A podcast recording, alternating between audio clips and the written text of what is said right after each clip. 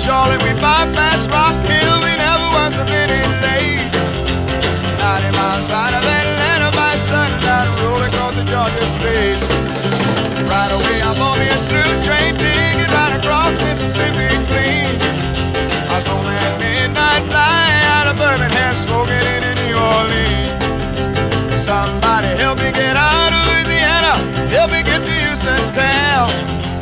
Are some folks who care little about me and they won't let the poor boy down.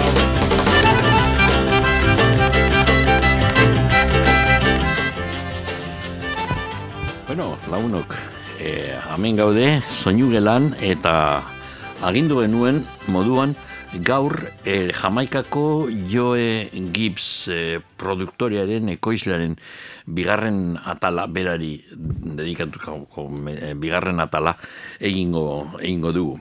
Pasaden e, e, aurreko soinu gelan, batez ere entzun genuen irurogeiko e, irurogeiko eta irurogeita, ba, ez ez, irurogeiko amarkadan, irurogeita zeitik, e, irurogeita bedetze arte, mm, tarte horretan, mm, ba, Joe Gibson estudioetan, produzitu ziren kantuak. Asko rocksteady ere mukoak ziren, baina azkenengoetan ja, ba, jadanik zegoen rege, e, sortzen zen rege estiloaren lehenengoko pausoak. Bueno, Joe, Joe Gibbs, benetazko izena zuen Joel Gibson, eh, Joe Gibbs eh, ezekien musikatrisnarik jotzen. Esan, eh, edo zein musikatrisna jotzeko almenik ez zuen. E, baina horrek ez du esan gure berak ez e, sekiela asko, mm, zera, ba, esku artean zeto, e, zeukan negozioari buruz, e, rege musika, jamaikako musika, e, grabatzeari buruz.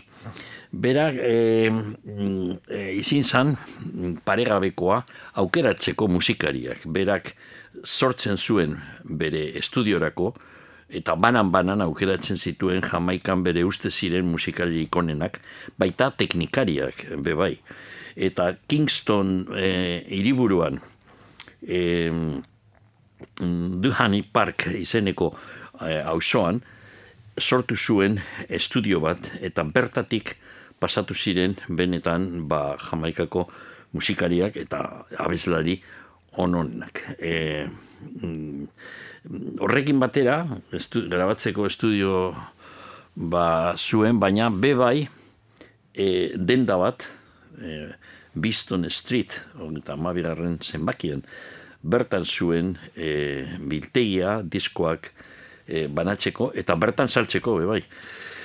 Bueno, ba, Liperri, esate baterako, Liperri handia, lan egin zuen hasieran koksonekin, estudio one'en, e, baina jo, Joe Gibbsekin be bai. Bunny Lee, beste haundi bat, e, lan egin zuen Duke Reid eta Leslie Conen txat, Clancy Eccles, e, Coxonekin, hasieran gero Sonia Pottingerrekin, eta Derriot Harriet, baita Joit Daily, ibigi ziren negozio honetan bebai importanteen artean. E, dena den, nik esango nuke, Joe Gibson e, grabazioak ezin da esan, zebera esan ez teknikaria, estudioan, ez musikaria, ez kantaria. Naiz eta askotan, diskoen mm, gaietan bere, bere orpegia agertu. E, Etxo e, Egypts Production ba, jartzen zuen disko, diskoetan. Eta bueno, ba, irurogei eta zeitik eta larogeiko amarkadaran arte e, jamaikan grabatu ziren eundaka eta eundaka milaka ia, e, diskoak, kantuak bere estudioatik sortu, sortu ziren. Bueno, hasiko gara, mila bederatxireun eta e, irurogeta maikan, rege ba, ba zuen ja e, eldutasuna, e, bos rege deitzen, deitzen zioten estilo berri hori askotan. Eta bueno, jamaikan grabatzen ziren gauza gehienak, baina ba, oi hartxuna handia, estatu batuetan apurruet, ba, ekialdeko kostaldean batez ere, New York, New Jersey inguruan, baina Inglaterran ere gehiago. Inglaterran, ba, milioika mm, karibetarrak e, joan ziren, bueno, milioika, baina eundaka mila bai, e, joan ziren bizitzera, e, ja, berroiko amarka dena zite, eta e, eurekin batera joan ziren musikariak, eurek eroan zuten ba, karibeko musika entzuteko gogoa, eta gaur entzuko ditugun kantu guztiak, jamaikan grabatuak izanik, Inglaterran be hit handiak izan ziren askotan. Bueno, mila beratzen eta irurogeita maikan, Judy Mowatek grabatu zuen e, orain entzungo dugun kantua.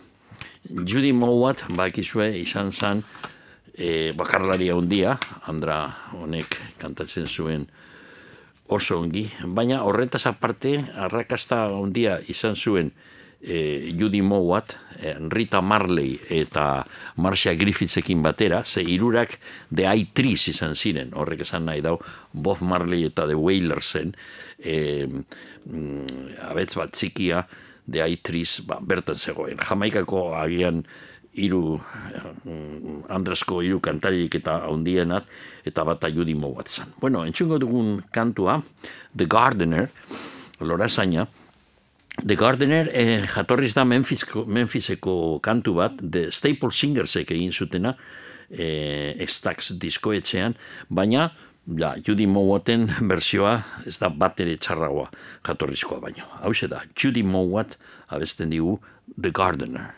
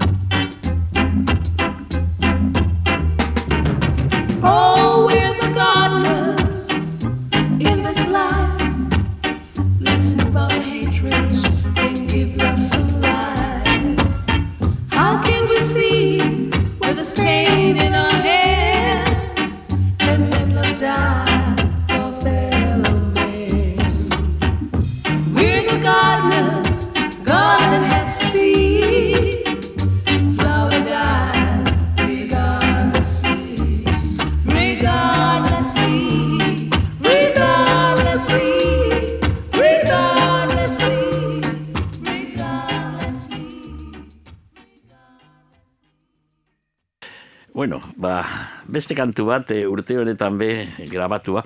Esan behar dudana da, Joe Gibson produzioak agertzen ari dire e, e, horretaz oinarritzen du ba, horreko programa eta honetan, eta agian beste bat, e, beste hirugarren bat egingo dugu, baina igual ez jarraian.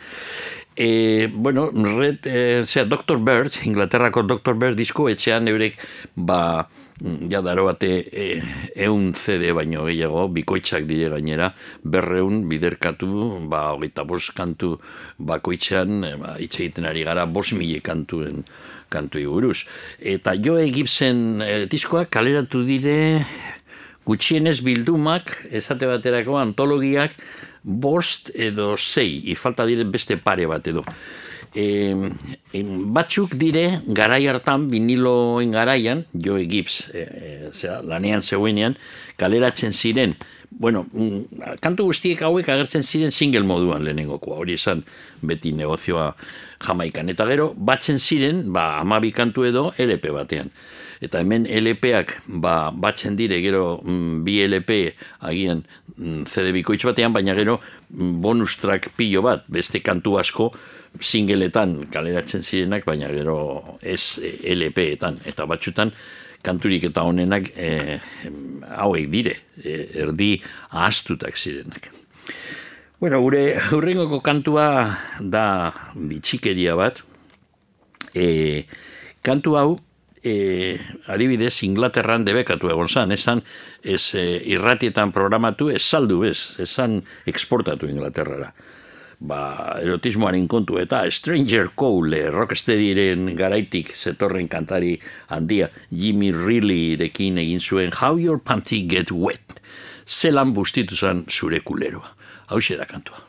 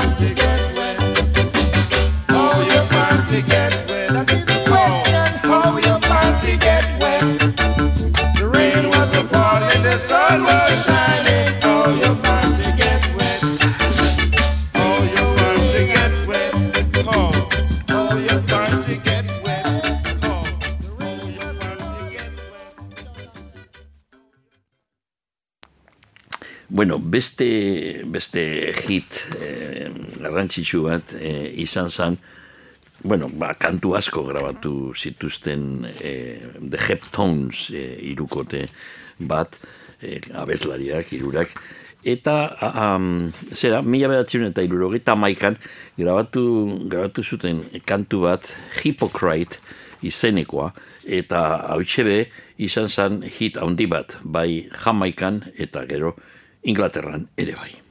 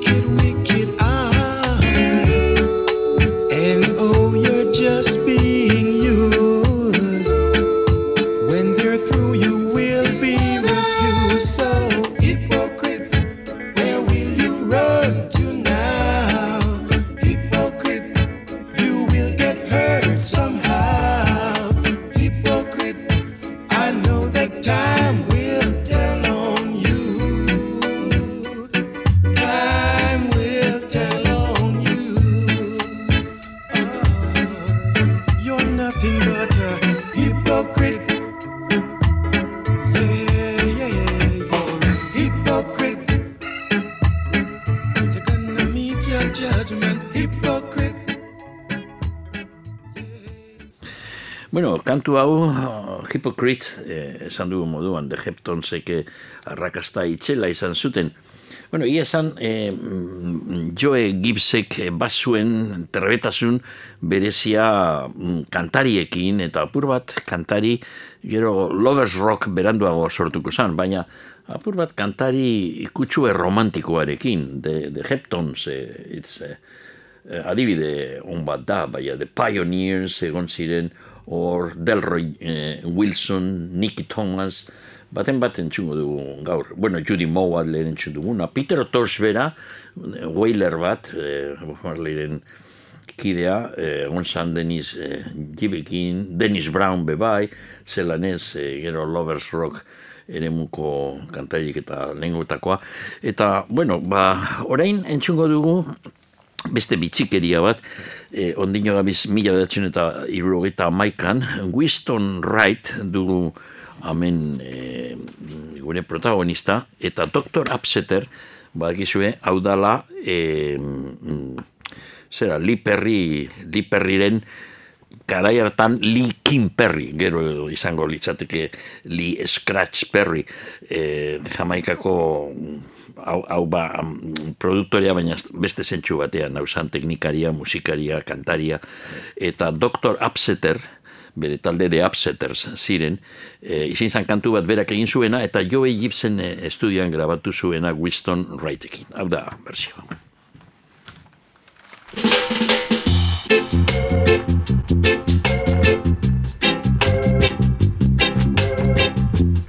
Allow me to tell you about it The voice of the people is the voice of God. The voice of the people is the voice of God.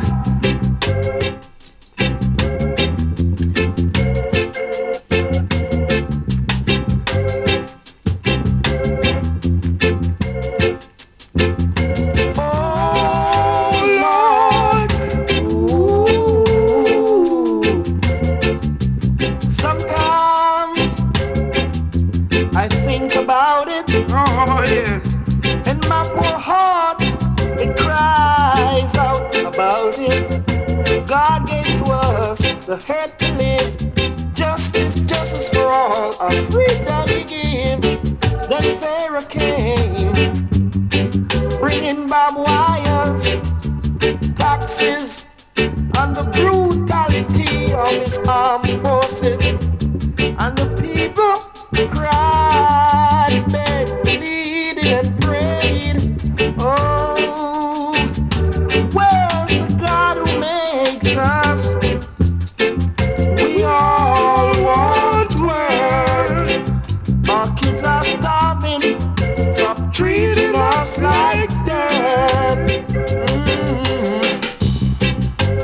voice of the people. is the voice of God. Yes. The voice of the people. is the voice of God. We live in the dirt. I bet you don't do it. We live in the dirt. I bet you won't do it. The voice, the voice of the people is the voice of God. Oh yes. That's why I sit down for hours thinking about it. Bueno, launok, eh, aipatu dugu, zelan eh, Inglaterran, eh, ba, Heptons moduan ez hauek, eh, hau izan da eh, Winston Wright, baina justu aurretik entzun dugu de Heptonsen Hypocrite eh, kantua, eta eh, kantu hori Inglaterran bertsioneatua izan zen. Eh, Brinsley Schwartzek egin zuen bere taldearekin berzioa, Kontestuan jarrita, Brinsley Schwartz, e, ba, Nick Lowe, gero Costello sortu kasan Nick Loweekin batera, da e, pop rock, e, zera, lerro bat Inglaterran, irurogeta mala o amabos e, sortu zana, eta Brinsley Schwartzek egin zuen, orain entzungo dugun berzioa, e, The Heptons e, jatorriz kantatu zuten Hypocrite e, kantuarekin. thank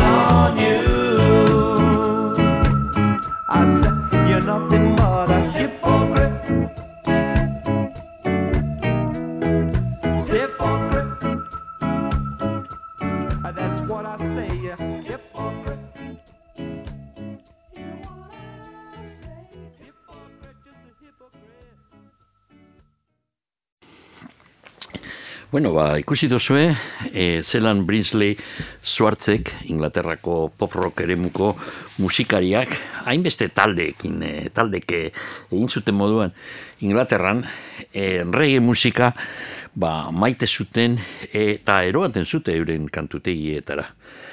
Bueno, urrengoko kantua, e, hemen daukagu beste klasiko bat, jamaikakoa, gainera, gauzak zer diren, Max Romeo, Max Romeo ondino dabil, eta ez dakit egon den, edo egongo den, ba, esango dizuet, e, kafean txokian aste honetan, edo datorren astean uste dut dagoela iragarrita, beraz Max Romeo eskarmentu handiko gizuna da, e, irurogita amarreko amarkadan, e, grabatu zuen orain entzungo dugun kantua, Don't Be Prejudice, e, bueno, Max Romeok basuen kontu bat apur bat e, beti zan transgresor, eh, nola bai, e, beste, nola bai, beste aldera, arago joaten zan bere kantuekin, batzutan kontu erotikoak, beste mm, askotan kontu politikoak. E, e, bueno, kantu, kantu hau, Don't Be Prejudice, e, irrogeta maikan grabatu zuen jo Gibson estudioan.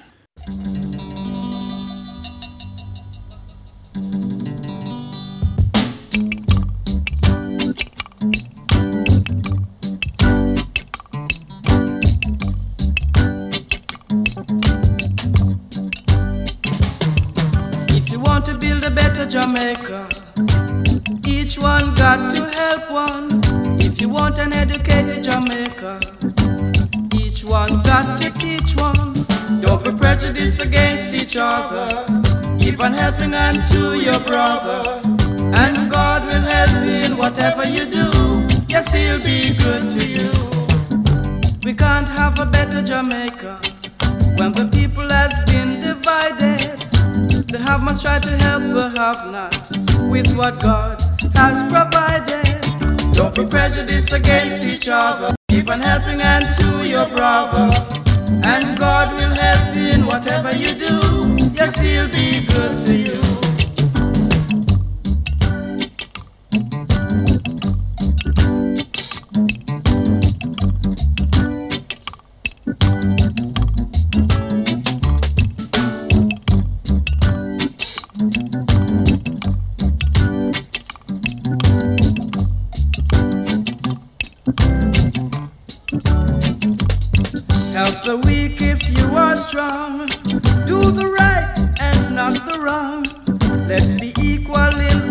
Society and cast oppression down.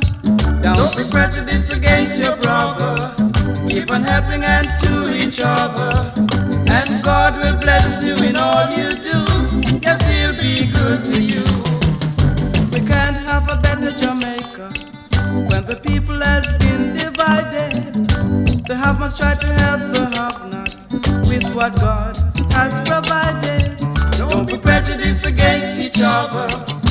On helping and to your brother. And God will help you in whatever you do. Yes, He'll be good to you.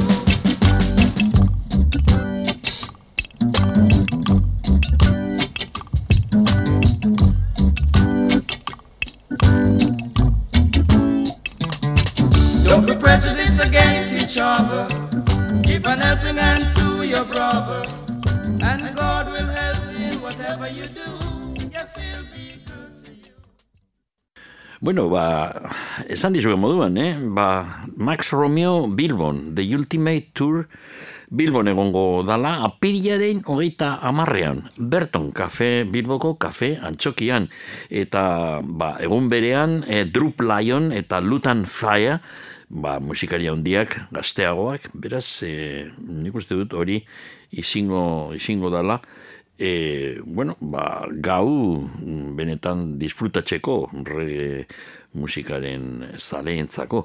Max Romeo dator Xana eta Sisi Romeoekin beraz e, familiakoak ditu. Askotan reggae musikari egiten duten moduan oso zarra direzenean Max Romeok baditzu irurogeita ma bosturte, baina ondino eskenatokietan dabil. Seguru Wet Dream entzuten dugun eta War in Babylon beste kantu bat e, ezinbestekoa Max Romeoren ibilbidean. Bueno, jarretuko dugu, gabiz mila bedatzireun eta, bueno, irurogeita amarrean, kaso honetan urte bat harinago aurreko kantuak entzun ditugunak baino, grabatu zen Joe Gibson estudioan, e, Niki Thomasek egin zuen grabazio bat, orain, e, jabete batzuk, e, ekarri gendun, e, zera, mm, gure soinu gelara, mm, eta mm, bilduma horretan zegoen kantu batzuk, baita e, The Beatlesen Let It Be kantuaren berzioa, eta beste bat, kantu batzuk ezagunak, e, estatu batuetako kantuak, re e, esparrura eroandak, ba, Rainy Night in Georgia, If I Had a Hammer, eta barrekoak, baina entzungo dugu, ba, Nicky Thomasen, ba, hit handi bat. Hau izin zan Inglaterran benetazko e, kantu arrakastatxua, eh? rock eta pop kantuekin e, kompetidu, eta llegatu zen Inglaterrako musikaren zerrendetan, mila bedatzen eta irurogeita amarrean gabiz lehenengoko postuetara. Love of the Common People, kantu handi bat benetan.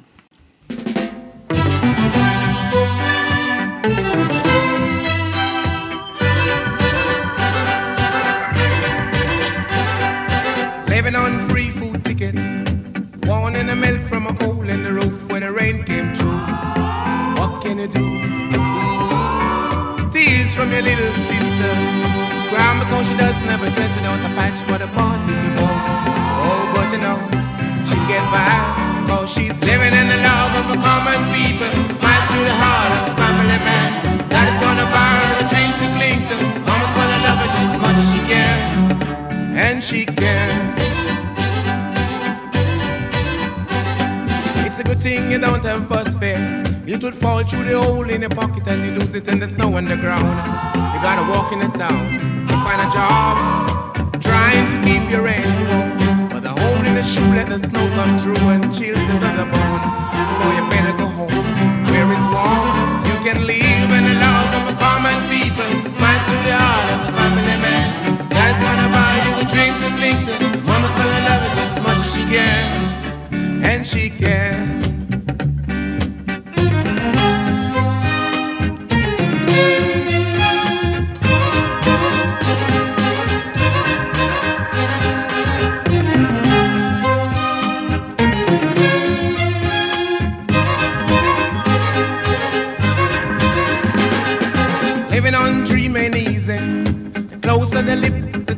the fit, and the chill stay away take 'em in stride. The family ground, you know that faith is your foundation.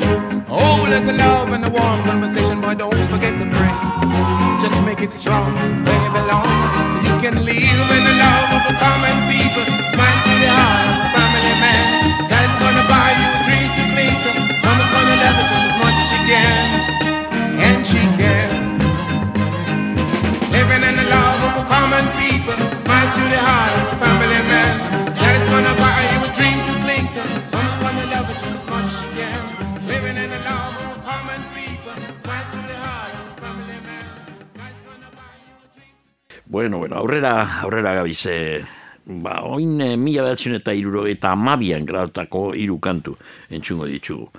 Kaleratu da beste e, CD bikoitz bat, e, Joey Gibbs Record Glove Presents Money in My Pocket. Bueno, Money in My Pocket izin zan kantu bat Dennis Brownek grabatu zauena. Dennis Brown da beste mm, abeslari bat, e, Jamaikan sortutakoa, benetan e, arrakastatxua, Dennis Brown izan zan Lovers Rock e, eremuko mm, sortzaileren bat, gehienak andrasko mm, zera, abeslariak ziren, eta Inglaterran e, bizi ziren jamaikarrak ziren e, Lovers Rock e, zera, baina Dennis Brownek e, be, mm, egon zan horretaz. Apur bat harinago grabatu zuen orain entzungo dugun kantua, hau izan zan berriro ere, ba, arrakasta itxela izan zuen abestia, bai Jamaikan, baita Inglaterran ere. Money in my pocket, Dennis Brown.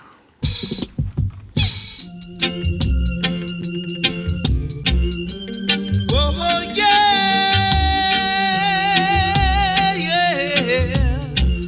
Mm. Money in my pocket, but I just can't get no love.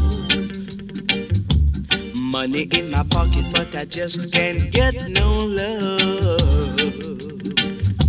I'm praying for a girl to be my own. Sonia said she coming, but I don't believe a word she said. Cause she ran away and left me one rainy day. She made me had in mind that her love would never die, and now I'm alone.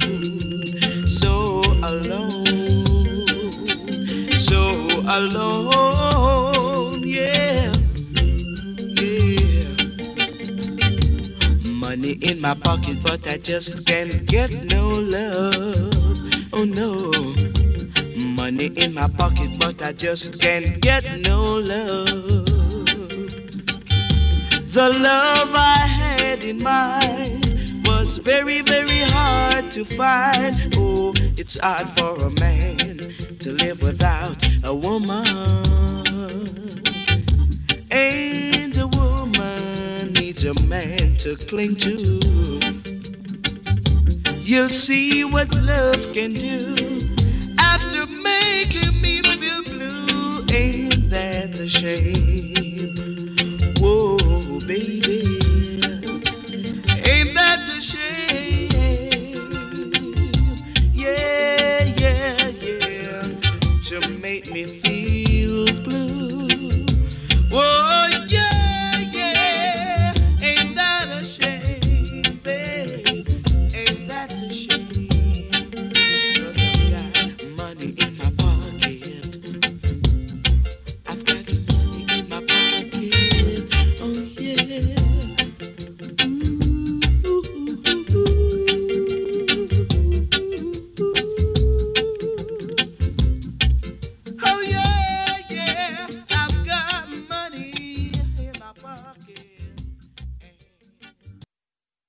Urrengokoa, urrengo kantua, A So We Stay, berriro Dennis Brown e, dugu hemen abesten, baina berarekin batera Big Youth DJ, bakizu DJ-ren garaian gabizue bai, eta biok batera, Dennis Brown eta Big Youth, o- eurek egin zuten e, kantu hau. A So We Stay. If love was a thing that money could buy, the rich who got love, while the poor got a lot of hate, as I would say, you know. So man, enjoy yourself. It's later than you think, as I would tell you, you know. so is there.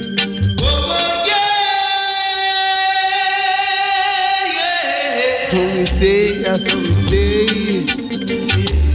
Money in my And so we stay. We stay as I would stay. So come on down the way, and so we stay. so we stay. And so we stay.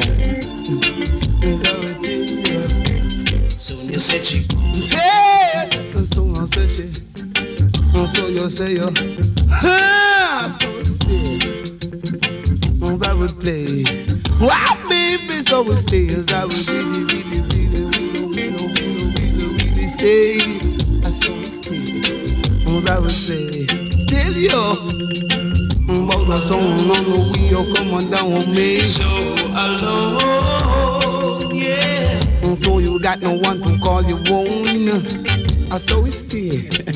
hey, I saw we stay. Ah, I saw we stay. Money in my One on one. And so we stay. One on one make two, and I would never make you blue.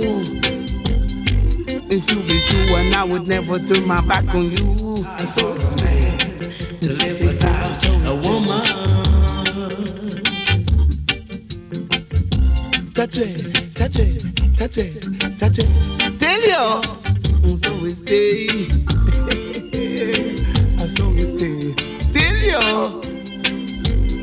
it was me that so we stay. Oh, baby. Ain't that a shame? And so you got no one to blame. To make me feel blue. So when you do the thing to be ashamed, you got no one to blame. Not at all. Cause you're the one to blame. So you have got to go around the bend and hide your face. Cause you are out of this race. I stay. so we stay.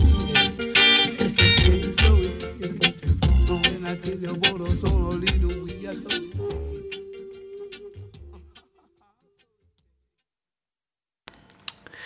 Bueno, ba, beste e, DJ bat e, grabatu zuena, beste toaster bat grabatu zuena, jo Gipsekin ira mia bedatzen eta irurogeita mabian, Jurroi izan zan, ba, gizue, Jurroi grabatu zuen Fermin Muguruzarekin kantu bat, e, Euskal Herria Jamaika klas, e, ba, Ferminek e, grabazio bat egin zuenean Kingstonen. Jurroi, ba, ez dakit, e, karri gendun e, soinu gelara, hilzan pasaden urtean, agian, ba, indire azkenengo bi urtetan Jamaikako musikari eta ba, abeslari asko. Eta jurroi izin zan hauetariko bat. Kantu hau, mm, nola bait, berak be, e, askotan kontu politikoak e, bere kantuetan, eta berak egin zuen iruroita amabian, Make Love No War izeneko kantua. Brothers and sisters, I wanted to make love and not war. Because love is lovely, but war is very ugly, you know.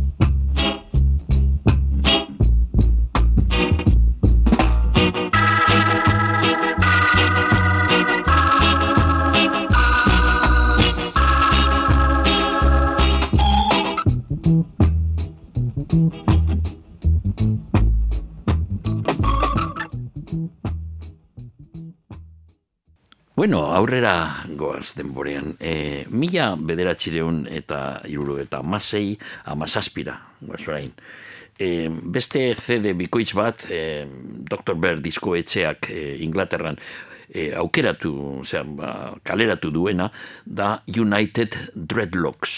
Hemen gabiz, rege musika, aurrera joan den neurrien, bado aldatzen jakine e, gabiz ja bos rege mm, zera mm, gaiurrean, bosre izeneko eremu horren gaiurrean, eta Joe Gibsek kontratatu zuen teknikari moduan, produktor, baina ejecutibo, produktor musikal moduan, Errol, Errol Tom Thompson eh, fitxatu zuen. Eta bueno, berarekin batera hainbeste kantu bueno, ba, paregabeak benetan egin zituzten gero bi bilduma kaleratu ziren United Dreadlocks lehenengoko atala markantuekin eta beste amarren bat bigarrenean biak izan ziren oso LP salduak Eta, ba, CD hauetan, badauz beste amabi kantu gehiago, bonus tracks moduan, eta euren artean kantuak e, funtseskoak benetan rege musikaren ibilbidean. Hasiko gara Gregory Isaacs, hau izan zan agian, inoiz jamaikan egon den kantaririk eta hundiena, oso ba, kutsua romantikoa batxutan bere kantuetan, kriston kapazitatea almena zuena Gregoria Isaacsek. Love Light izan zan mila bederatzeun eta irurogeita maseian grabatu zuen abestia Joe Gibson estudioan. Bueno!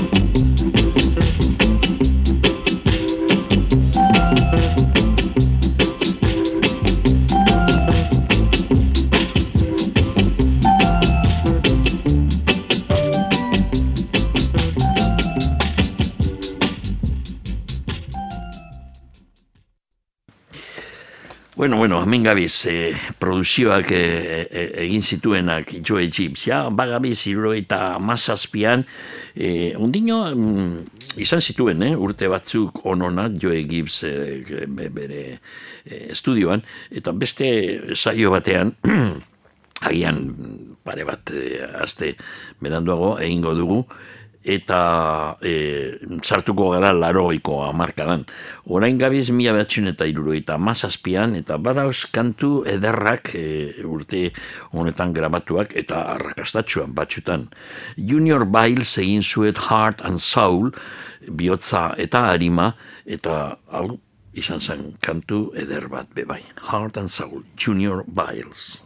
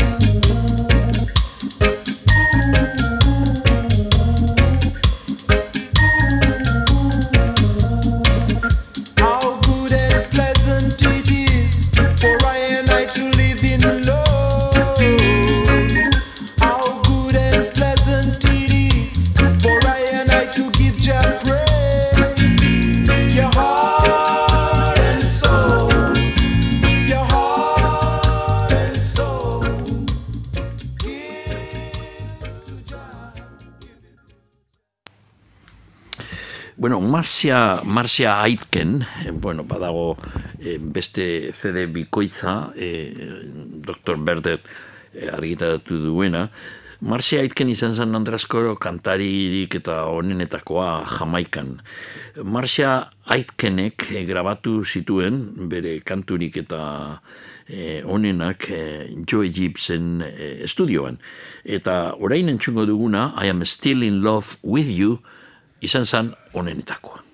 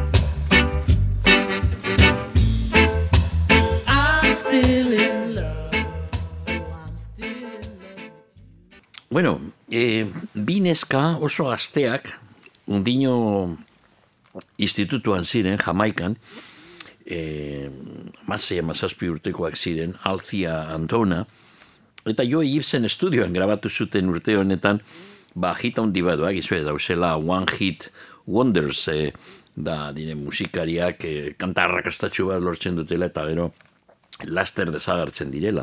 Althea Andona izin ziren hauetarikoak, baina Uptown, Uptown Ranking, orain entzungo dugun kantua, hori izin leharketa handi bat eh, reggae eskenan iruro, eta amazazpian, Uptown Ranking, Althea Andona. See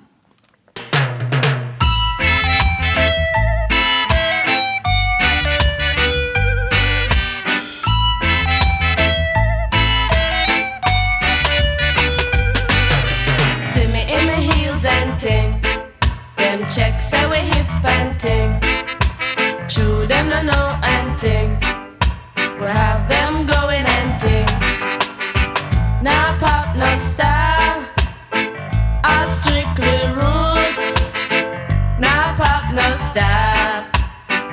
All strictly roots. See me on the road and you not call out to me. Do you see me in my pants and ting? See me in my altar back. Send me give you heart attack. Give me little bass, make me wine out my waist. Uptown top ranking.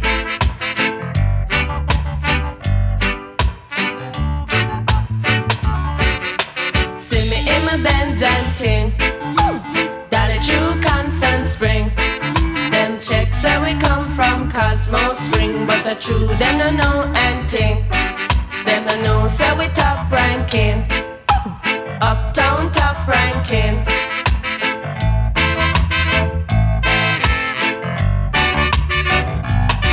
Should I see me on the ranking dread? Check out we jamming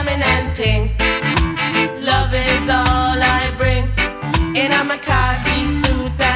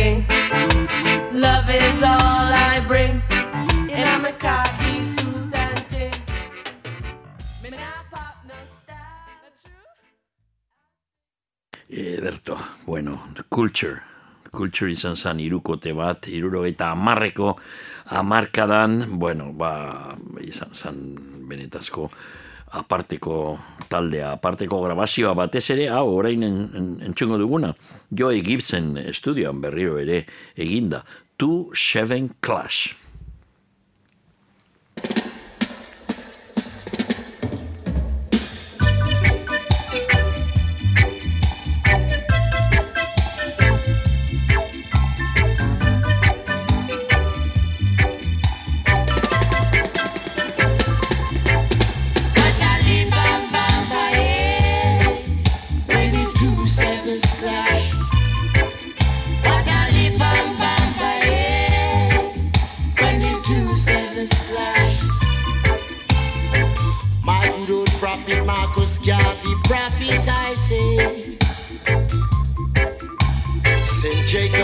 Bigger and Kingston is gonna meet.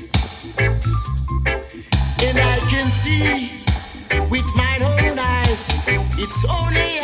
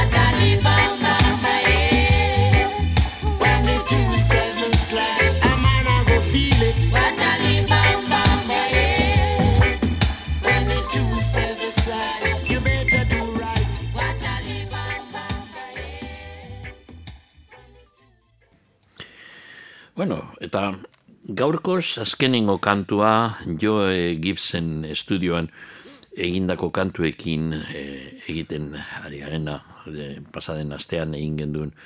Eh, e, lehenengoko hausa, hausa da bigarren atala. Gaurkoan entzun dugu ba uste dut amazazpikantu izin dire. Hausa da gaurko zazkenengoa kantu hau keep on moving jatorriz e, Curtis Mayfieldek komposatutakoa estatu batuetan. Curtis Mayfield eh, rhythm and blues kantari eta kantu egile handia. Jamaikan eh, Bob Marley eta The Wailersek egin zuten kantua, baina gaur entzungo duguna Joe Gibson estudioan grabatakoa The Mighty Diamonds, beste irukote bat, abeslariak irurak eh, egin zuten. Keep on moving the mighty diamonds.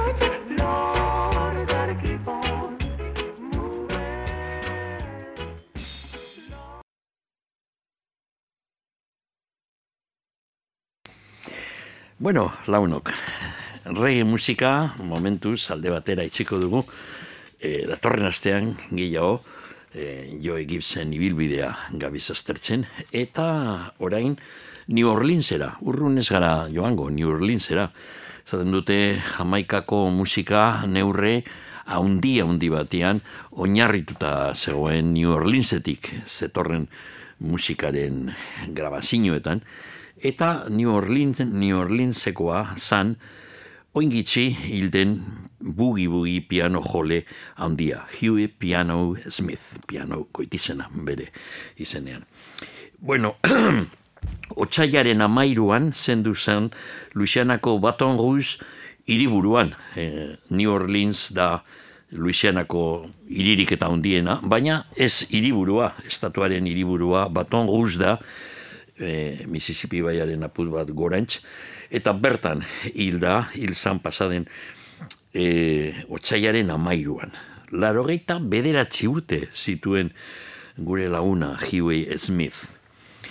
Bueno, ba, esan behar duguna da, ja berrogei urte zeroan berak musikatik at, eta ez txarto zegoela osasunez, baizik eta mm, aurri eritzi nola baita religiosoa, religiosoagatik. Bera izan zan Jehova lekukoaren ba, sekta horretakoa, sekta kristau horretakoa, eta hori dela eta itxi zuen, itxi zion e, egiteari musika sekularra, zoritxarrez. Bera, bueno, ba, New Orleansen, Jerry Roll Mortonekin hasita eta John Batister arte. E, egon dire beti ba, talento handiak eh, musikari ba, paregabekoak, eh, teklatu joleak eh, batez ere. Eta Hugh Piano Smith izin zin, izin zan hauetariko bat. Eh, ba, bugi-bugi musikaren izarra, proto rock and rollarena nola bait. E, Dr. Jonek esaten zauen, e, mm, Hugh Piano Smith, Cosimo Matasas e, estudioan New Orleansen izan zan musikari bat eredugarria. Bera San Fats Dominoren belaunaldikoa, eta ba, lan egin zuen musikari handiekin. Bueno, entxuko ditugu berak konposatutakoa e, kantu ospetsu batzuk. Egia esan bere tarterik eta arrakastatxuena e, zan oso luzea izan. Sei urtetan, mila bedatzen eta berrogeita maseian azite, eta irurogeita birarte grabatu zituen hogeita mar kantu e, em, singleetan agertzen zirenak, A eta B aldeetan, eta hauetariko batzuk e, izan ziren oso entxundak, oso ba, eraginkorrak izan dire, rock and roll munduan ere. Lehenengokoa, entzungo dugu baitu kantu hau, gogoratzen naiz e, orain, ba, noiz izin zan, moten dau izin zan aspaldian, baina ez dira hainbeste denbora pasatu, pandemia madarikatuaren garaitik izan zan, bagizue, 2000 eta hogeian hasi zan, bueno, ba, areagotu ziren behintzat, e, gauzak e, emetik e, martxoaren, e, zera, martxoan, eta hortik gitxire, e, bueno, soinugela arrunta ezin izan gendun egun denbora batean, baina etxetik aukeratzen dituen nik kantu batzuk eta gero behaltzen nuen etxetik komentario txiki bat e, eta hori izin zan pandemiaren garaian egindako soinugela. Eta bigarren kantua, aukeratu nuen bigarren kantua, orain entzungo duguna da. Segatik, ba, kantuaren izena da Rocking Pneumonia and the Boogie Boogie Flu. Beraz, e, neumoniaren roka eta ba, gripearen bugi bugia. Iruditu zitzaidan aproposa beldurgarria zan garai hartan.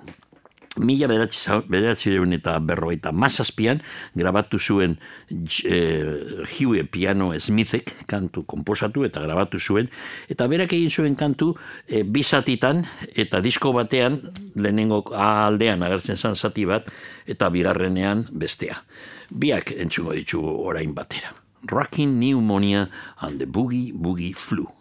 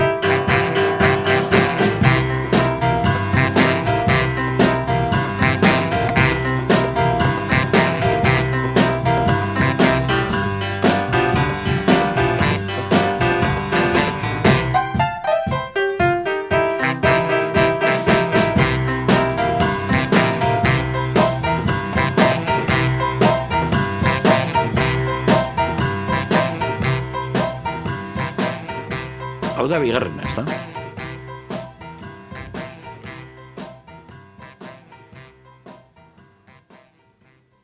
Bueno, ederto izan, bigarren zatie, esan dudan moduan lehen, eh, biak agertu ziren eh, vinilo batean, bueno, gara hartan arbelezko mm, diskoak ziren ondino.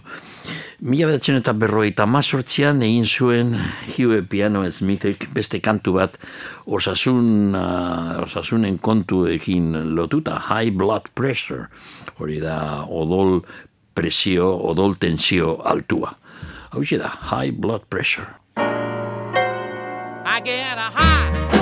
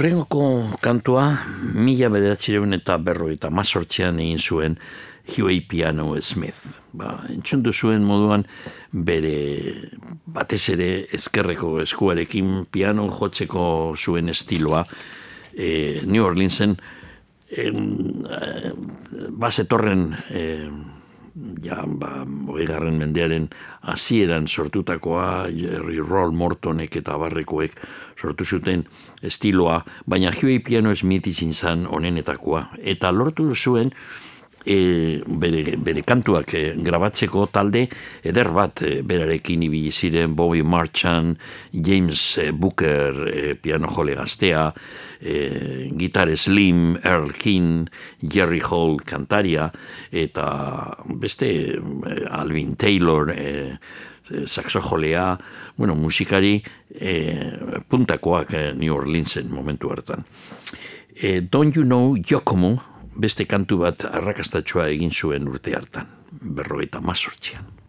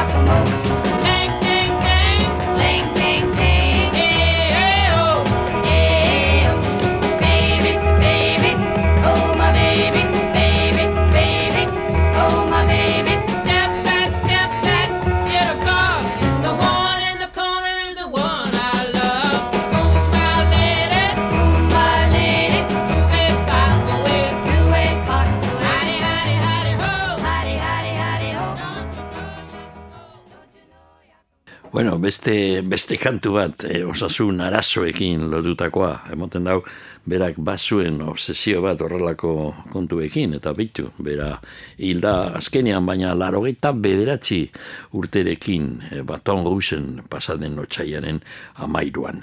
Bueno, kantu hau, deitzen da Tuberculosis and the Sinus, Sinus Blues, mila behatzen eta berroita emeretzian grabatu zuen, bakizu, e, zera, biriketako tuberkulosia eta mm, sinusitisen blusa. Hau da kantua. Bye.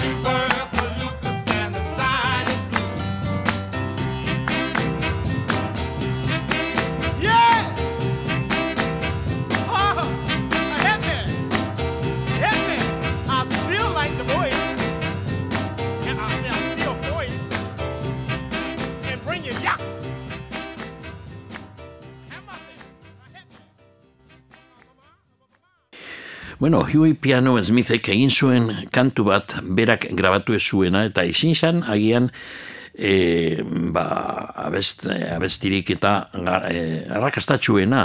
New Orleanseko beste kantari batek, Frankie Ford, izenekoak egin zuen grabazioa. Frankie Ford esan afroamerikarra, ba, Huey Piano Smith zen moduan, baina Sea Cruise izeneko kantuarekin arrakasta handia lortu zuen urte hartan mila bederatzireun eta berrogeita emeretzian.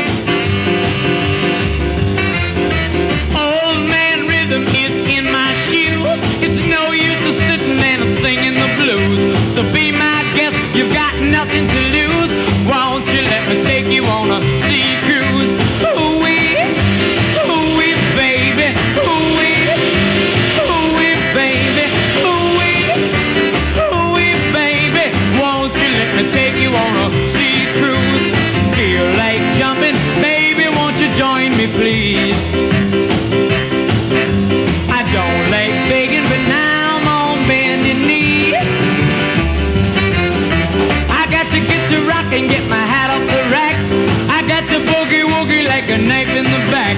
So be my guest, you've got nothing to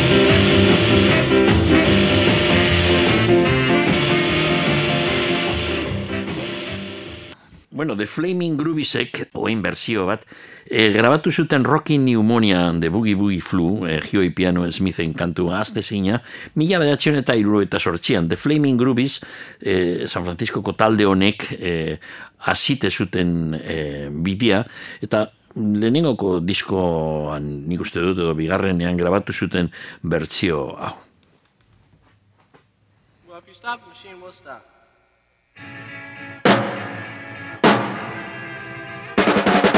Bye.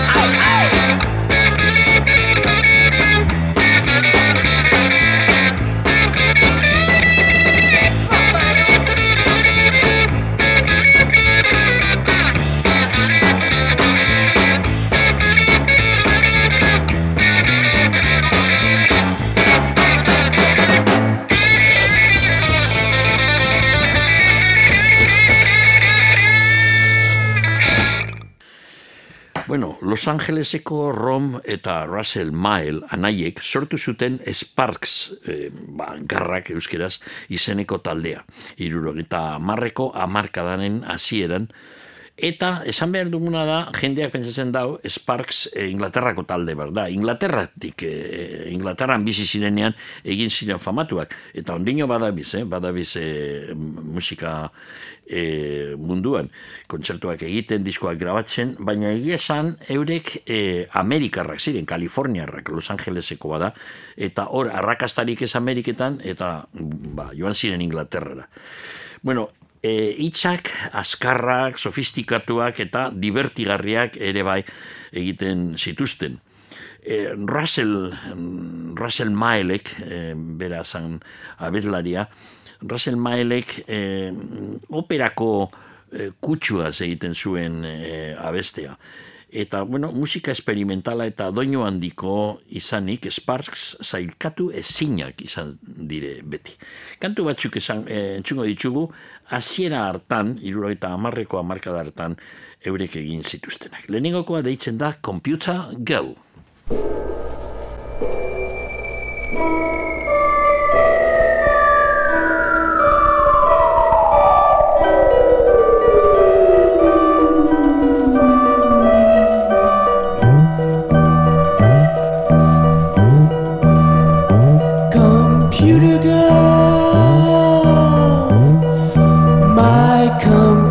Computer girl.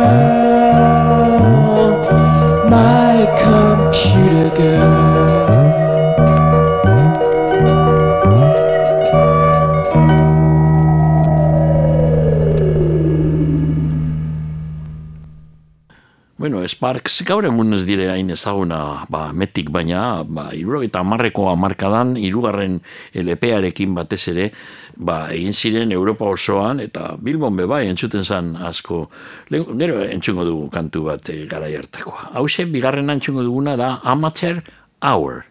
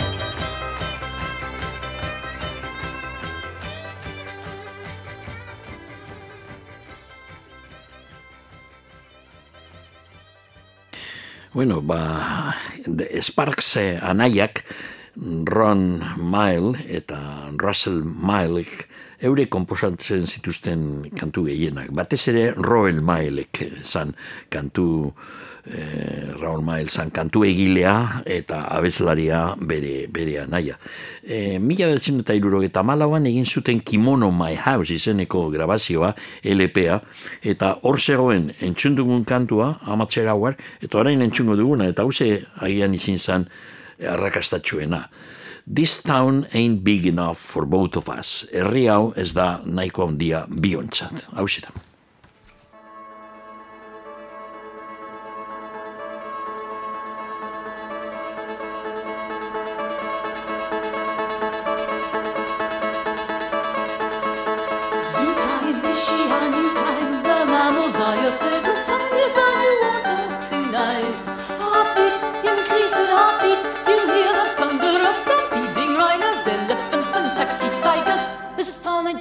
enough for the both of us.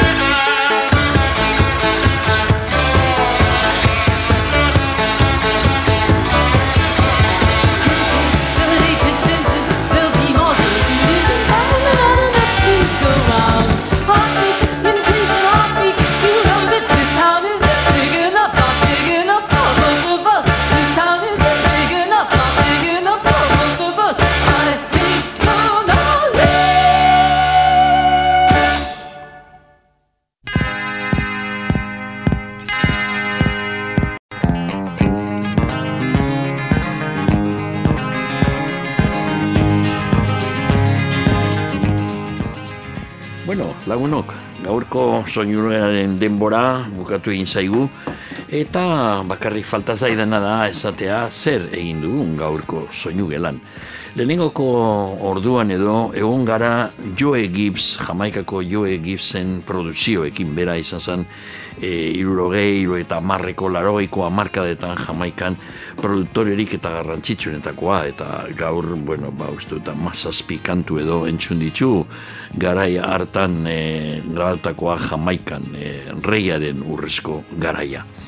Gero Huey Piano Smith, New Orleanseko bugi-bugi eta proto rock and roll e, piano jolea eta ba, kantari arrakastatxua, euren, e, bera hilzan pasaden otxaiaren amairuan eta hori dela eta ekarri dugu bere musika soinu gelara. Eta bukatzeko, mm, ba, hiru kantu edo entzun ditugu ba, jatorriz Los Angeleseko taldea zana, e, bi anaiak de Sparks, Sparks izenikoak, baina eurek arrakasta Inglaterratik lortu zuten, eta ondino Inglaterran dabiz e, zentraute eta ba, grabatzen dituzte diskoa berriak eta kontzertuak egiten dituzte.